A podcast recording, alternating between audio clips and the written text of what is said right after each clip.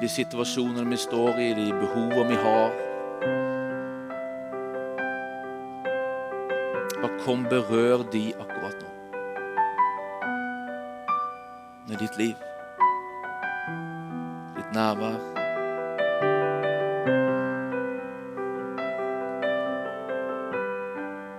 Bare la det strømme. Bare la det strømme akkurat nå. Legedom.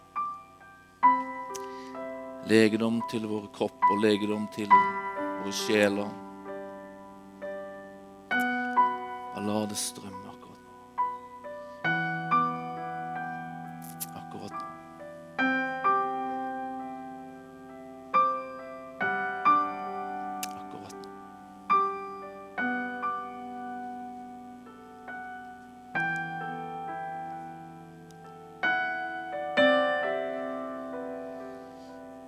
Mange er det her som har behov av legedom til kroppen. Kjenner på med sykdom, kjenner på ulike symptomer og smerter. Ikke bare holde opp handa.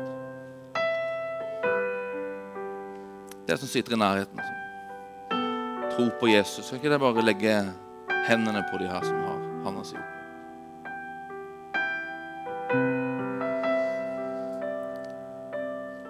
Så bare ber du inni deg eller høyt bare at hans liv og helse skal berøre, lege. Smerter skal gå. Et liv skal komme.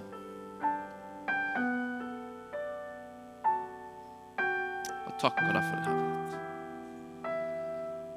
Du akkurat nå, Herre, virker legedom. Det er søsknas kropp. Smerte får gå i ditt navn, Jesus. Ting som ligger feil, får havne rett i ditt navn, Jesus. At styrke kommer tilbake. Kraft kommer tilbake, fullførlighet kommer tilbake Jesu navn. I Jesu navn. I Jesu navn.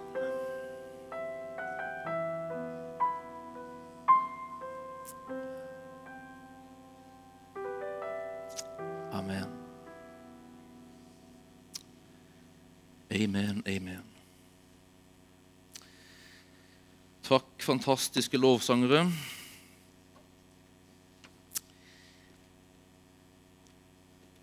Det er nydelig. Godt nytt år hvis jeg ikke har eh, fått sagt det til deg. Takk. Som Kristine sa, så, så setter vi en fokus på et liv i etterfølgelse. Det er jo et fokus som eh, man har hele tida. Det er jo egentlig det vi er invitert inn i som, eh, som kristne, som de som tror på Jesus. Et liv, et, en invitasjon til å følge ham i etterfølgelse. Man prater jo om, iblant om å være en disippel. Det er å være en etterfølger. En etterfølger. Og vi, vi drømmer her i Misjonskirka vi drømmer vår visjon for denne plassen. Dette skal være et veksthus. Vi ønsker å bygge et veksthus der det skal produseres vekst hos mennesker. Og den veksten vi på en måte er ute etter, det er den veksten som har med Guds hensikt og vilje for våre liv. Som enkeltmennesker, som menighet. Den hensikten han har, det er at vi skal være like han i denne verden. Jesus han ber om det i Johannes 17, at vi skal være som han i denne verden. Det er ikke å få flest mulig på møtene, det er ikke å bygge den finest mulige kirka, som er Jesu bønn for sin menighet, det er at den skal være lik han. Lik han. Vi er invitert inn i et liv der vi skal følge han og bli lik han og gjøre han kjent. Vi er kalt til et liv i aktiv etterfølgelse av han. En medvandring med han. Eh, vi er som han. Som Jesus når han gikk på jorda. Det han var da, det er vi nå. Vi er etterkommere av Jesus Kristus. Vi skal gå i hans fotspor. Hva gjorde han? Han gjorde sin fars gjerninger, sier han. Jeg gjør det jeg ser far gjør.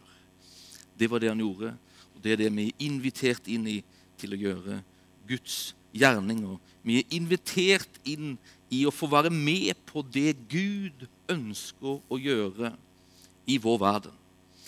Han tenker å sende oss dit han vil gå. Han tenker å si oss det han vil si, og han tenker å gjøre gjennom oss det han vil gjøre. Det er invitasjonen, kallelsen, som går ut til oss som tror på han. Kom, følg meg, sier han. Kom, følg meg. Det fins en slags nesten sånn her, eh, todelt eh, del i det her. For det handler om at vi skal komme. Vi skal si ja til å bli etterfølgere av Han. Men så skal vi òg hjelpe andre i å høre den invitasjonen om å følge Han. Og hjelpe andre i å gjøre det. Så vi skal bli etterfølgere. Det er Guds ønske, drøm og hensikt med ditt liv. Og så skal vi være med og hjelpe andre inn i og i denne vandringen i etterfølgelse av Han. Så vårt oppdrag når vi har sagt ja, det er å være med og gjøre andre til etterfølgere av Han. Et folk som vandrer med Han, et folk som mer og mer blir likt, lik Han. Et folk som mer og mer gjør Han kjent i denne verden. Det er Hans hensikt med oss.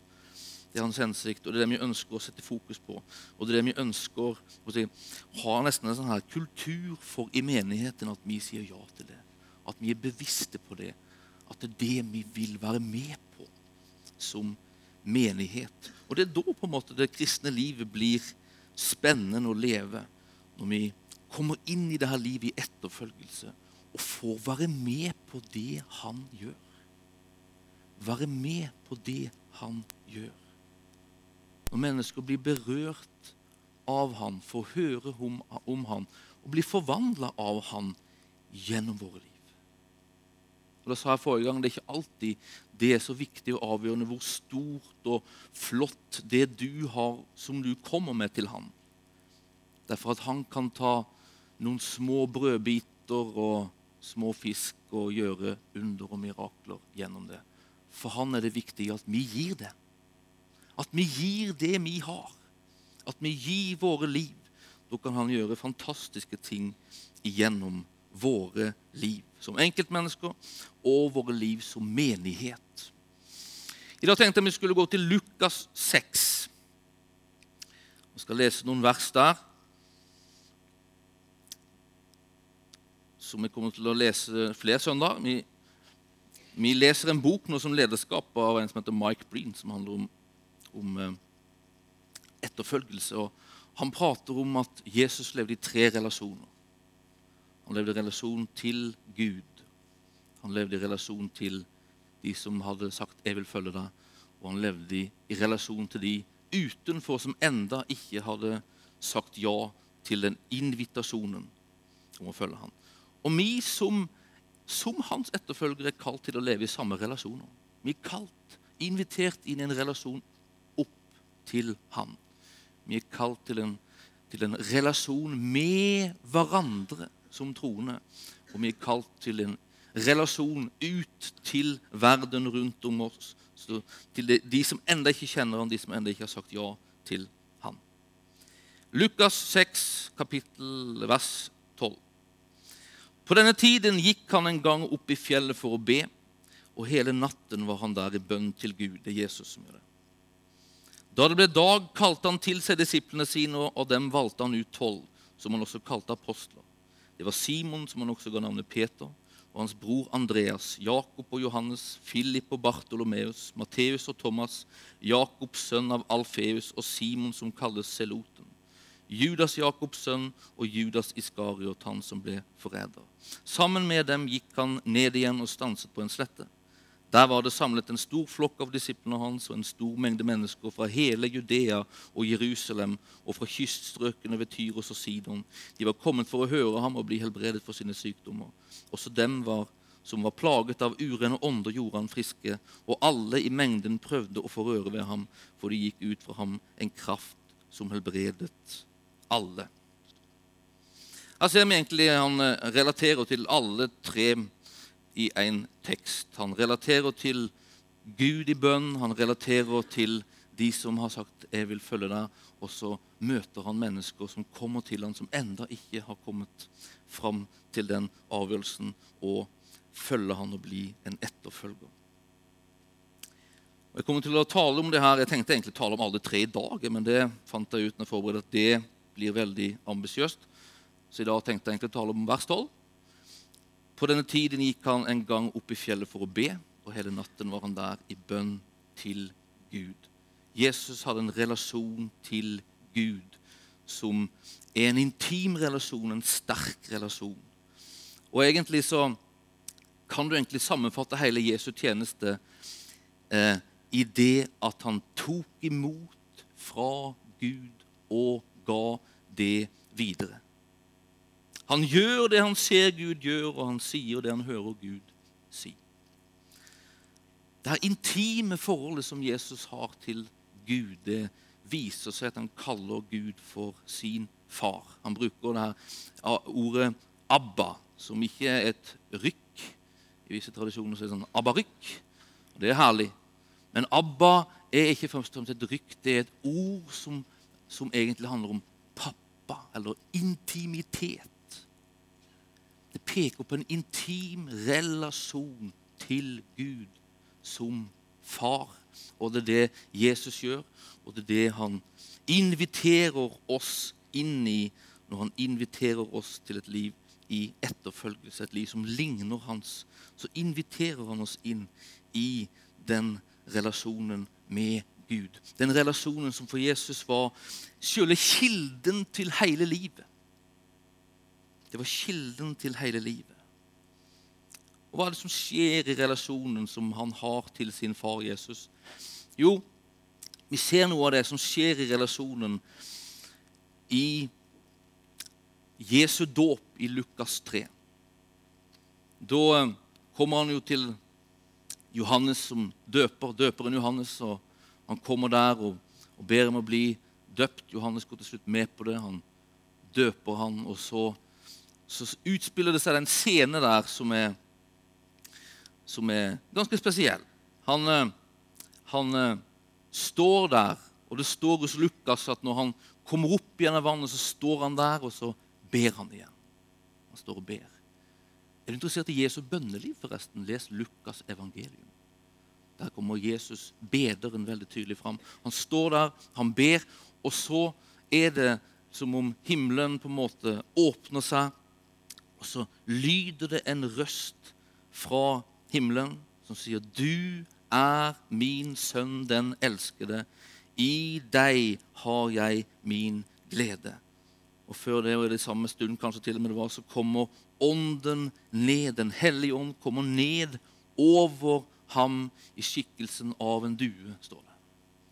Så ånden kommer ned over ham, og så lyder røsten fra himmelen, 'Du er min sønn' den elskede.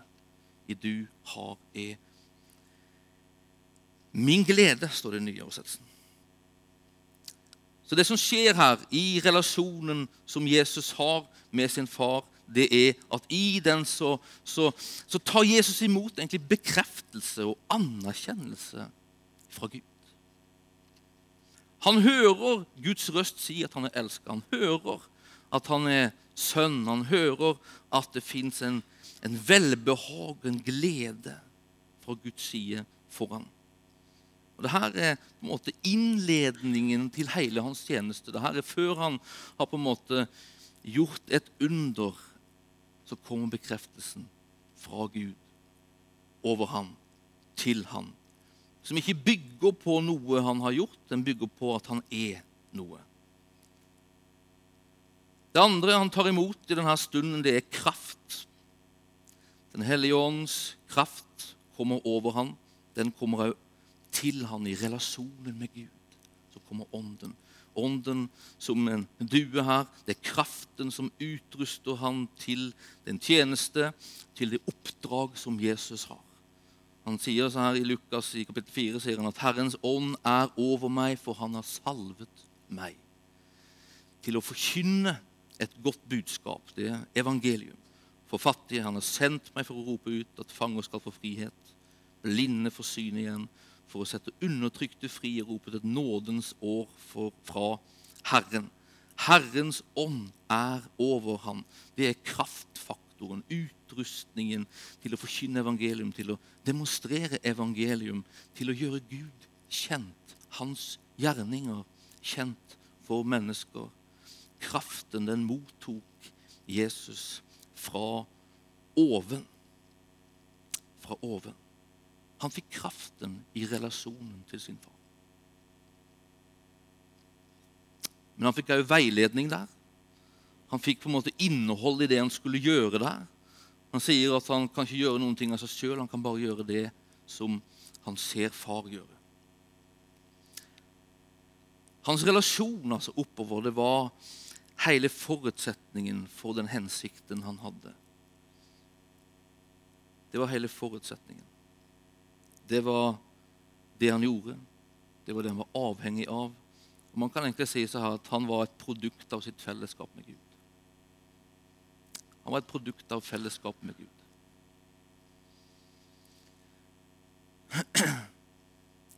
Det er det her Jesus inviterer oss inn i.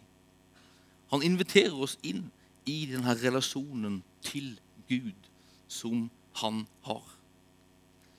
Når vi tar imot invitasjonen som Jesus sier 'Kom til meg, følg meg, tro meg' Invitasjonen Jesus gir, når vi tar imot den invitasjonen, sier ja til han, tar imot han i våre liv, så skjer det noe i den relasjonen opp til Gud. Det skjer noe i den. For det første vi havner rett i den. Vi havner rett i vårt forhold til Gud. Vi havner like rett i vårt forhold til Gud som Jesus er rett i forhold til sin far. Når Luther beskriver det her å ta imot Jesus, komme til tro på han, si ja til han, så beskriver han det som en omfavnelse. Vi omfavner Kristus. Han skriver det sånn i Galaterbrevskommentaren sin. Omfavner Kristus, og så plasseres vi i Kristus. Og så vandrer vi med Kristus vi vandrer i Han. Vi vandrer i Han. Vi havner i en situasjon i forhold til Gud som er den samme situasjonen som Jesus befinner seg i. Og, og, og, Bibelen beskriver det som at vi har blitt gjort rettferdige. Vi har havna rett i relasjonen med Gud. Vi har fått fred med Gud gjennom troen på Jesus Kristus. Vi har fått tilgivelse for vår synd. Det betyr at eh, gjennom troen på Jesus, når vi takker ja til innbydelsen fra Han, så fins det ikke lenger noe mellom oss og Gud. For Guds side så fins det ikke noe mot deg. Det fins et velbehag og en glede. Det samme velbehaget og gleden som hvilte over Jesus Kristus, som han proklamerer og taler ut når Jesus døpes. Gud er ikke misfornøyd med deg. Han har et velbehag og kjenner glede over deg. Ikke for noe du har gjort, men for noe Jesus har gjort for deg. Og for noe du har tatt imot som en gave fra Han. Det hviler over ditt liv uten at du har gjort det. Han har gjort det. Og Vi går ofte med en sånn her opplevelse av at det der velbehaget, det der behøver jeg gjøre noe for å oppnå.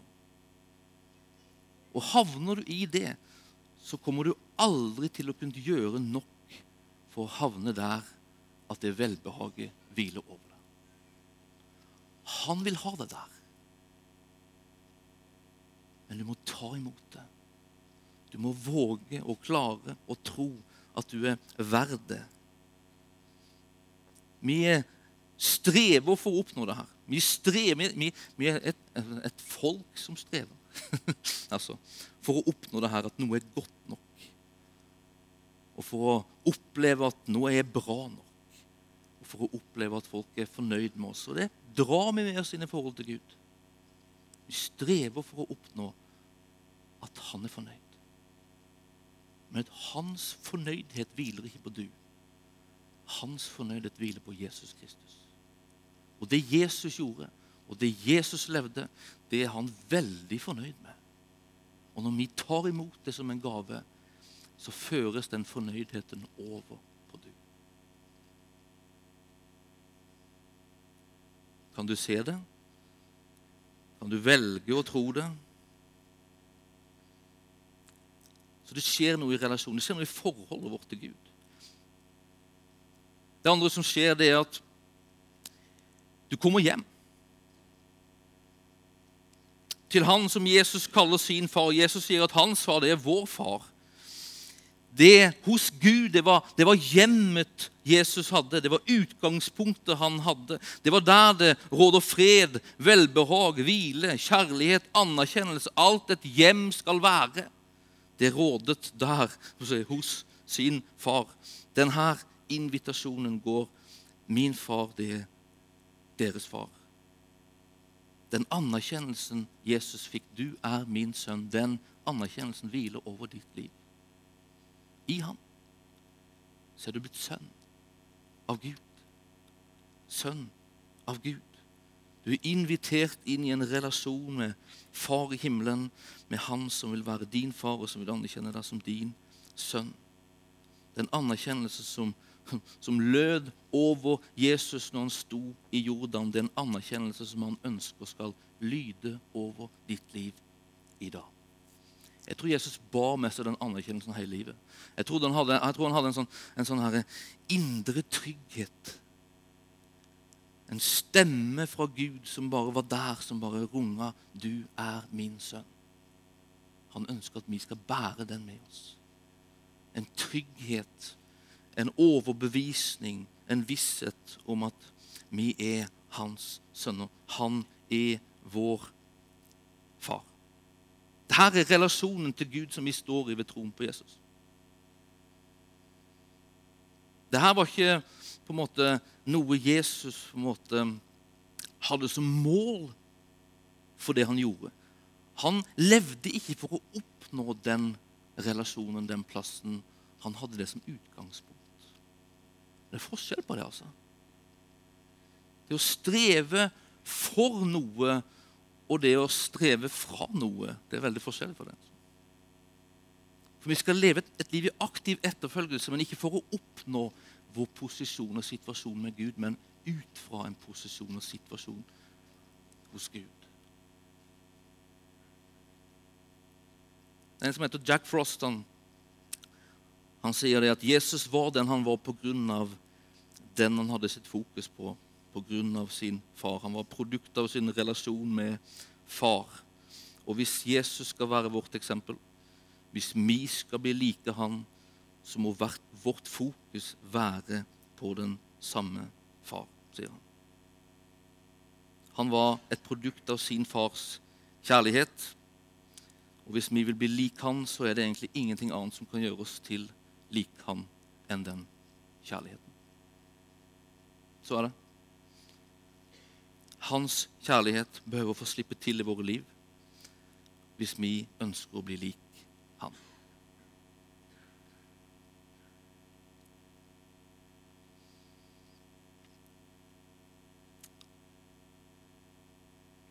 Et forhold til Gud, altså relasjon med Gud, er heller ikke en relasjon som er tenkt skal være liksom noe som foregår langt over hodene våre. Det er ikke tenkt at det skal være en, en slags teoretisk heller situasjon, der det sitter en langt, langt der borte og vil være vår far. Og så er vi liksom her nede, langt borte. Men han ønsker å være nær oss. Han ønsker å komme til oss. Han ønsker å gi en erfaring av det som faktisk er situasjonen. Og han ønsker å gjøre det gjennom Den hellige ånd. Altså Han ønsker at orda skal lyde fra himmelen.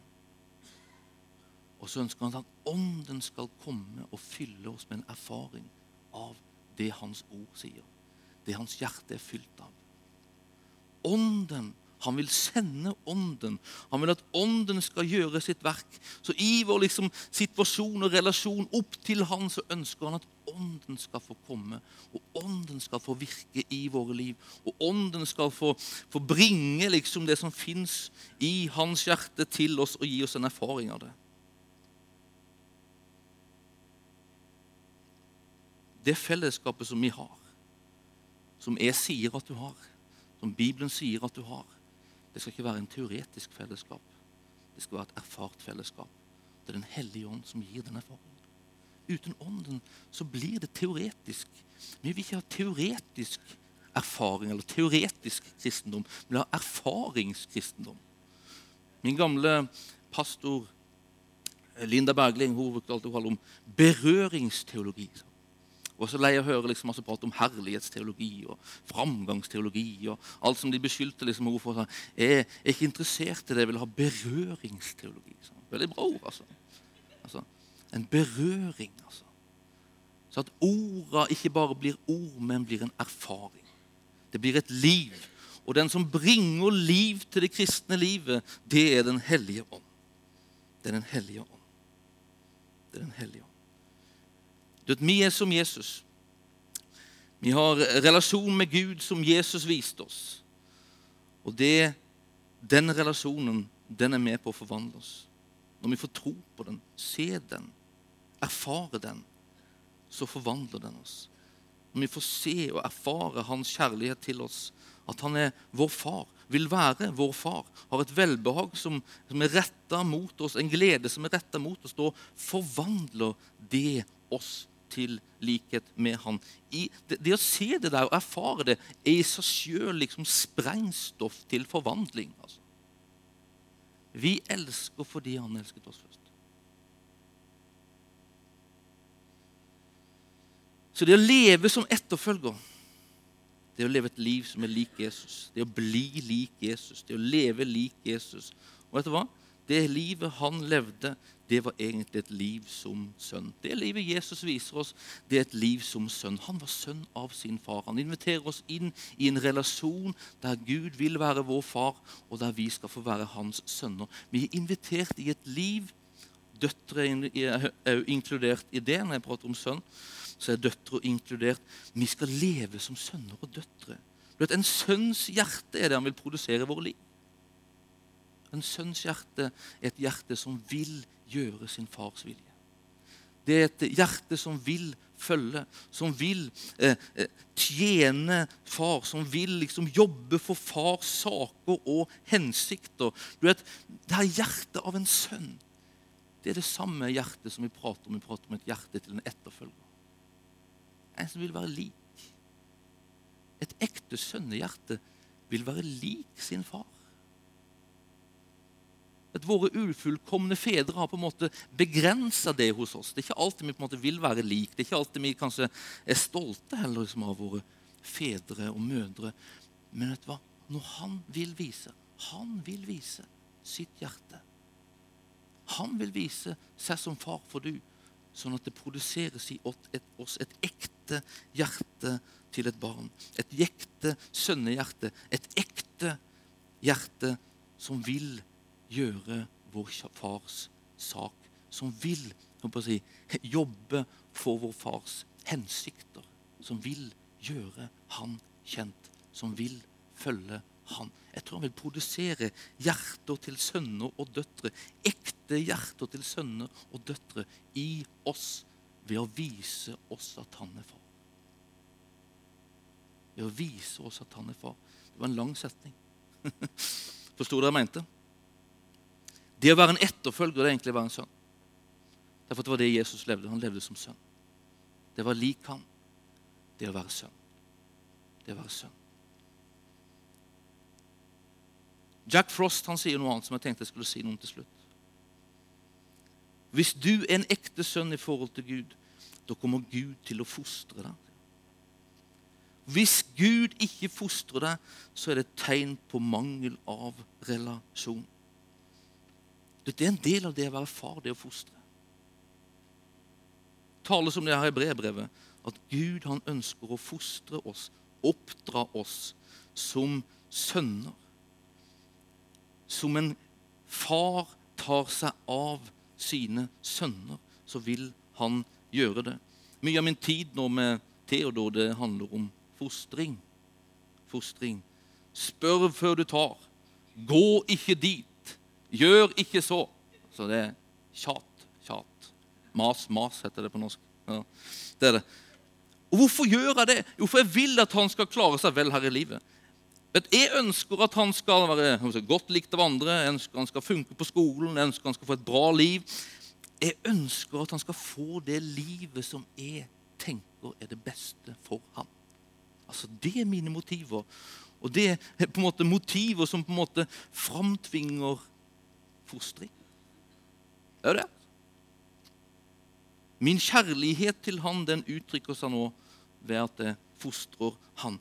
Men jeg gjør det som en far. altså. Jeg gjør det som en far. Og det er forskjell på det. Det er forskjell på å bli fostra av en far og bli fostra av en slavedriver. Derfor så ønsker jeg at han skal vite at jeg gjør det som en far. Jeg ønsker jeg skal vite mine motiver når jeg sitter og ser på Theodor når han sover på kvelden Om ikke han har hast vært dyster så her, ser på han når han sover der, så brenner mitt hjerte av kjærlighet for ham. Og har du barn, så vet du liksom opplevelsen. Det brenner i hjertet. Og du vil at han skal bare vite at han er elska. Gud er den samme. Han vil fostre oss, men han vil gjøre det som en far fostrer sine barn. Han vil, vite, han vil at vi skal vite på en måte, hva er relasjonen oss imellom her. altså. Han vil at vi skal vite at ikke han er slavedriveren når han fostrer oss. Han vil at vi skal vite at han er vår far, og vi er hans barn. Og vet du hva? Jeg tror at hvis du er trygg på det, så kan du ta hans fostring. Jeg tror at det er tegn på om du er trygg i det forholdet eller ikke, det om du kan ta hans fostring. Når bibelordet, når trossøsken kommer med ord av korrigering, kan vi ta det da? Kan vi ta det da? Hvis vi trygger relasjonen med Gud som vår far, da kan vi ta det. Da kan vi ta det. Han ønsker å fostre oss. Han ønsker å fostre oss. Hvorfor ønsker han å fostre oss? For han ønsker å ha oss inn i det livet som er hele hensikten med våre liv. Nemlig å være lik ham. Nemlig å få være med på det han gjør i denne verden. Jesus han sa, 'Min mat å gjøre Guds vilje'. sin. Jeg tror at alle vi mennesker er skapt for å gjøre hans vilje. Der fins tilfredsstillelsen. Det fins ikke noe som er så tilfredsstillende som å få være med på det han gjør. Når han fostrer deg, så er det hensikten. Når han vil korrigere ting i livet ditt, så er det hensikten. Han er far. Han vil produsere i oss et hjerte av en sønn som vil være med på det han vil gjøre her i verden. Og så fostrer han oss av en annen anledning òg. Nå har vi fått en et barn til i familien. Og etter det på en måte så har på en måte fostringen av Theodor nesten tatt en slags ny dimensjon. Derfor Nå fostrer jeg ikke bare Theodor så han skal klare seg vel her i livet, men nå fostrer jeg Theodor for at han skal bli storebror og hjelpe Signe å klare seg vel her i livet. At Gud, hans hjerte, det er større enn ditt. Det strekker seg lenger enn ditt. Det strekker seg til hele verden. Gud er ute etter hele verden. Og for å nå verden så sender han du. Han inviterer du. Vil du være med på det jeg gjør i ditt liv, men vil du være med på det jeg gjør ute i verden? For at du skal få være med, for at jeg skal få bli synlig gjennom ditt liv, så behøver du fostres så behøver det korrigeres litt. For det fins ting i ditt liv som ikke er bra for du, Og det fins ting i ditt liv som ikke er lik med, sier han.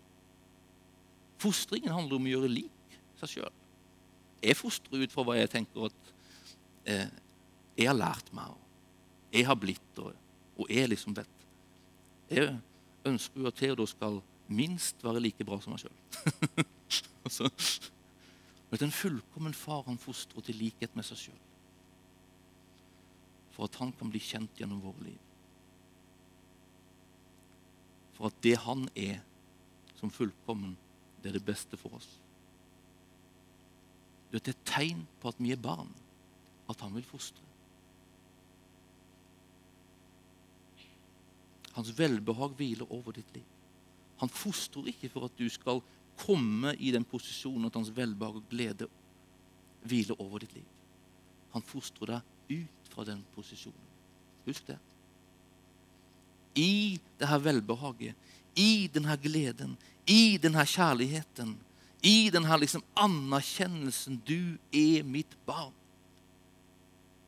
så ønsker han å fostre. Så ønsker han å uttrykke kjærligheten, vise kjærligheten ved å fostre deg, tale til deg, vise deg ting i livet som ikke ligner han. Sånn at din hensikt kan oppfylles ved at du får være med på det han gjør. Og for at verden kan bli nådd med hans hjerte. For at verden kan få se hvem han er. For at verden kan få erfare den han er. For at verden kan få lære han å kjenne gjennom ditt og mitt liv. Det er hensikten med hans foster. Men i relasjonen opp så fins det en fostring. Så fins det en fostring. Det fantes det til og med for Jesus. Han møtte på motstand. Han, møtte, han havna i situasjoner som ikke kjentes spesielt gøy. Han skulle gå til korset, så var det en smerte og en angst så dyp at han ba om å få slippe. Men ikke som jeg vil, sa han, men som du vil. I våre liv så finnes det mange ting som vi syns er gøy, og som vi kan nyte av, og som vi liksom gjerne skulle liksom bare ha. Men som vi etter hvert oppdager at han ikke har behag i. Som ikke ligner han. Da er vi der i valget. Skal vi velge det bekvemme? Skal vi velge det enkle? Skal vi velge det som føles liksom best for oss, enklest for oss? Kan vi være selvopptatte eller Gud oppfatt, uh, selvopptatte eller Gud opptatte? Hans ønske, hans lengsel, det han som far vil virke fram, det at det fins i oss et hjerte som sier 'ikke som jeg vil, men som du vil'. Som i de situasjonene, når vi ser de tinga i våre liv, vil velge å gi det til Han. Som vil velge å vende oss ifra det og gå på hans vei. Og være en etterfølger av ham. hans relasjon opp Jesus. Det var der han, han henta sin anerkjennelse og trygghet. Det var der han fant sin identitet.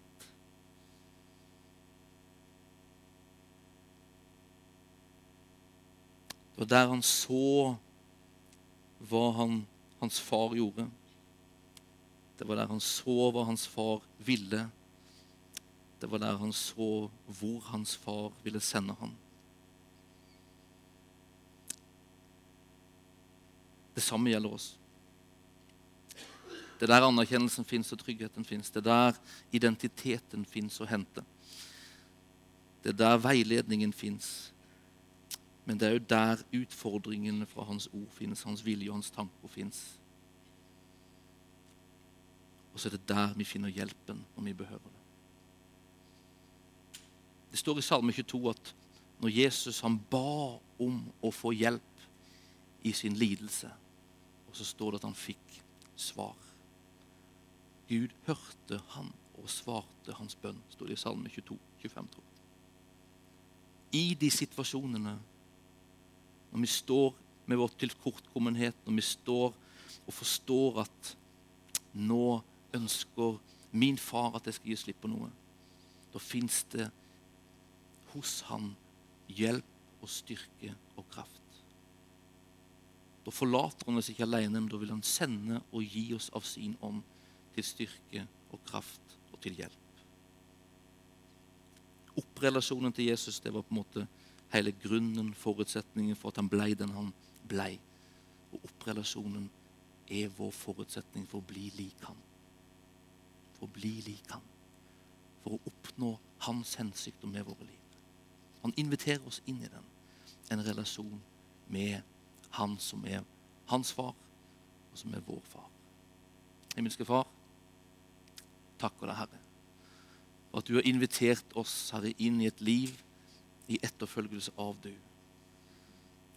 Takker deg, Herre, for at du bare skal fortsette å invitere, og at vi kan få gi vårt gjensvar til du, og at vi i den relasjonen kan få bli bekrefta, bli styrka, veileda, men òg fostra av du, Herre. Så at vi får være med, Herre, på det du vil gjøre i denne verden. Bare kom, Herre, akkurat nå med ditt liv. Bare kom med ditt nærvær. Tal til oss. Gjør ditt verk i våre liv.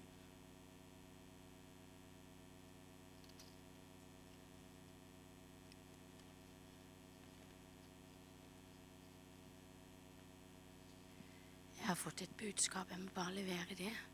Hvis ikke du er så veldig kjent med det, så heter det tungetale.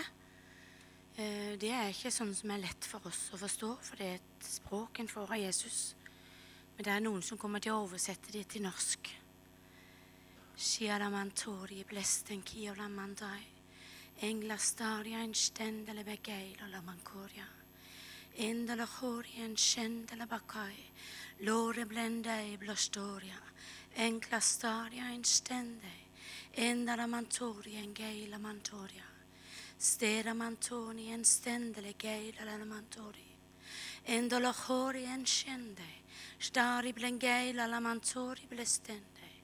Obra shandai, lori mengei talamantori prestende. Korayentoni en stendlakai, likrastaria, endola bakori en stende. Lori blenda, engrescendoria, endola hondo. Estandara mantoni, engla staria in stendere mente, stigla kondo, endala mantori blescende, endola horia, engla staria, embra shantonia. Du har fått et valg i kveld. Et valg om du vil følge meg, om du vil gå i mine fotspor, om du vil gå ut til mennesker med det jeg har gitt deg. Du har fått et valg til å tjene, men jeg vil ikke si at valget du har tatt i kveld, kanskje kan bli lett. Alt det som jeg har lagt for deg, det vil jeg gå med deg i. Du skal få kjenne at min kraft, den fullendes i din skrøpelighet. Du skal aldri tvile på annet enn at det jeg gir deg, det er fra min hånd. Og når du går, så følger kraften med deg. Min styrke skal bli i din svakhet. Du kjenner deg ingenting. Du kjenner det er ikke meg. Det er ikke meg det gjelder dette, men jeg spør ikke etter hva du har vært borti før. Jeg spør ikke etter hva du har gjort, for du er mitt barn. Du er min sønn, du er min datter, og derfor elsker jeg deg. Med en kjærlighet som du aldri vil komme til å forstå. Derfor er det ikke så vanskelig å gi og gi og gi, for min kjærlighet, den er fullkommen. Og jeg vil at du skal øse av den kjærlighet du har fått til dine medmennesker. Shiara mantori blestende, la caria stende. Indala mantori blestenda la bakuria. Endala mantori enkeida la mantoria.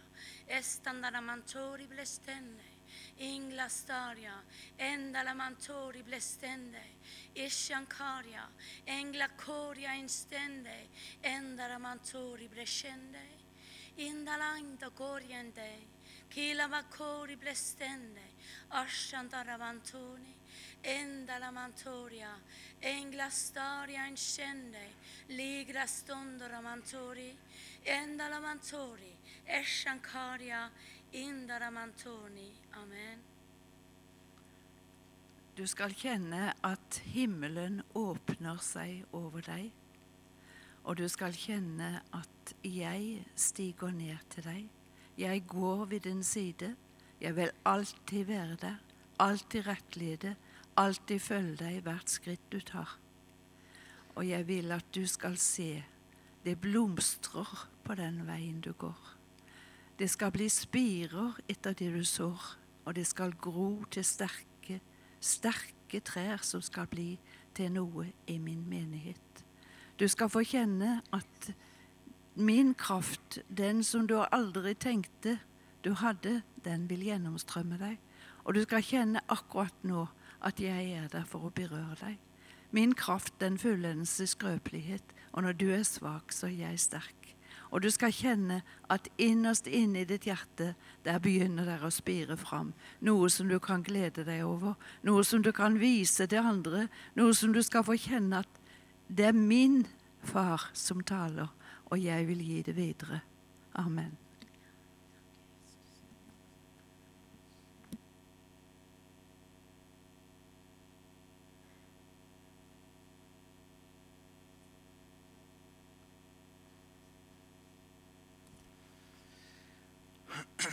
Lovsangene kommer på.